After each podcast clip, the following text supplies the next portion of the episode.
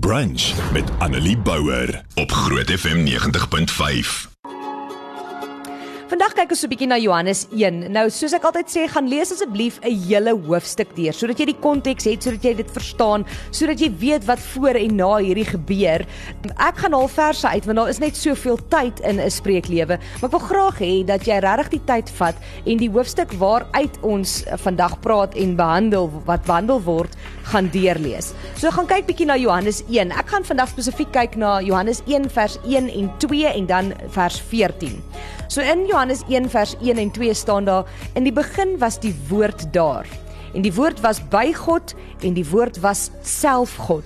Hy was reeds in die begin by God. Nou hier praat Johannes dan nou spesifiek van Jesus en hy gebruik die die woord logos of logos wat in uh, Grieks gebruik word wat ons vertaal as woord as 'n beskrywing van Jesus. So hy sê in die begin was die woord daar en die woord was by God en die woord was self God. Hy was reeds in die begin by God. So hier sê Johannes, Jesus is God.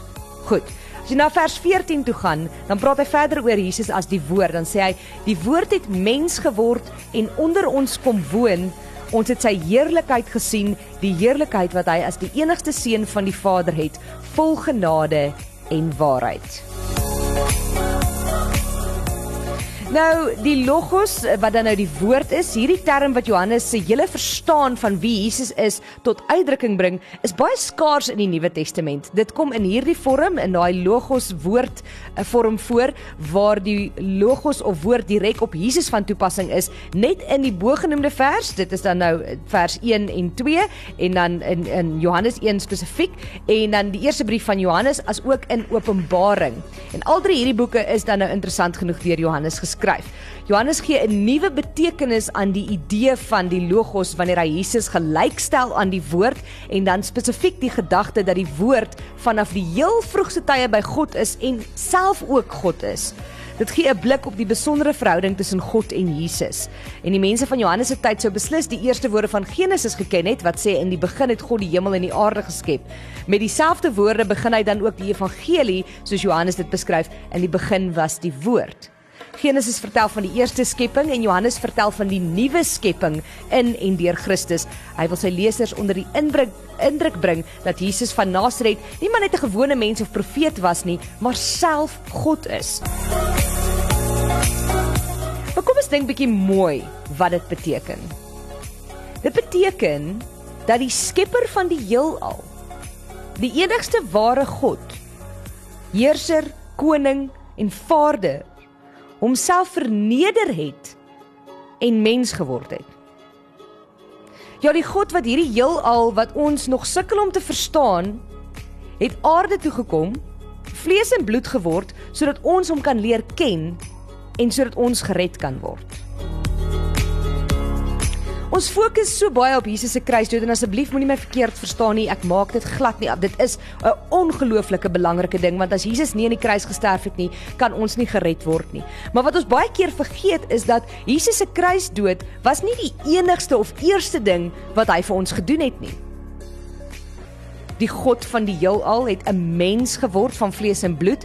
Hy het 33 jaar as mens geleef om ons te leer en natuurlik sodat ons met hom kan vereensgewig. Met ander woorde, Jesus het al die emosies wat hy geskep het ook geleef. Die vreugde wat ons ondervind, die lag en kuier saam met vriende en familie. Hy het kwaad geword. Hy was bang geweest. Hy het hartseer beleef. Hy weet wat dit is om iemand aan die dood af te staan.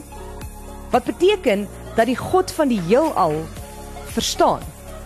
Hy het vir jou en my so lief gehad dat hy mens geword het. Dat hy gesterf het en dat hy steeds elke dag by jou is. Hy's deel van jou lewe elke dag. Nie net wanneer dit sleg gaan of wanneer dit swaar gaan nie, maar ook in die goeie tye. Hy wil hê jy moet jou lewe met hom deel. Deel jou lewe met hom, die goed, die sleg, die lag, die kuier, die gesels, die werk wat jy doen elke dag. Hy wil hê jy moet daai vreugde en daai genade elke dag uitstraal en uitleef. God wil 'n verhouding met jou hê. Nie eendag nie, maar nou. Nie wanneer ons hemel toe gaan nie, maar nou. Kan jy daai ongelooflike genade en liefde voel?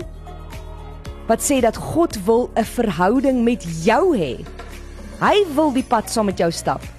Jou hele lewenspad, elke keuse wat jy maak, elke dag wat jy by die werk is, die tyd wat jy saam met jou gesin spandeer, die tye wat jy onseker is, die tye wat jy hartseer is, die tye wat jy op vakansie gaan, wat jy vreugdevol is, wat jy bang is, wat jy kwaad is, God is daar. Die vraag is, laat jy hom toe om deel te wees van daardie lewe wat jy nou lewe?